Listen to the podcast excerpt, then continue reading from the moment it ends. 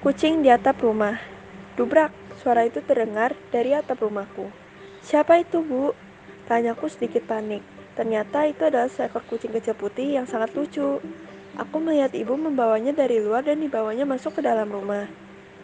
Nisa, ibu menemukan kucing kecil ini. Apakah kau mau merawatnya?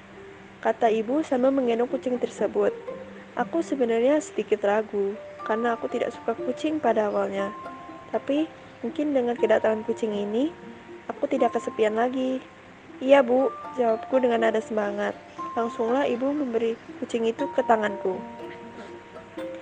Kucing kecil itu terlihat sangat hangat di pelukanku dan sangat mengemaskan.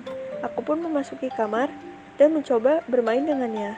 Dan aku memutuskan untuk menamainya Tata. Tata adalah nama yang sangat imut dan cocok dengan kucingku. Pada pagi hari, aku membawa Tata untuk jalan-jalan di sekitar rumah. Tiba-tiba ada tetangga gang sebelah memanggilku. Ada apa Kak Dora? Tanyaku kebingungan. Lalu ia menjawab, Nisa, apakah itu kucingmu? Di mana kamu menemukannya?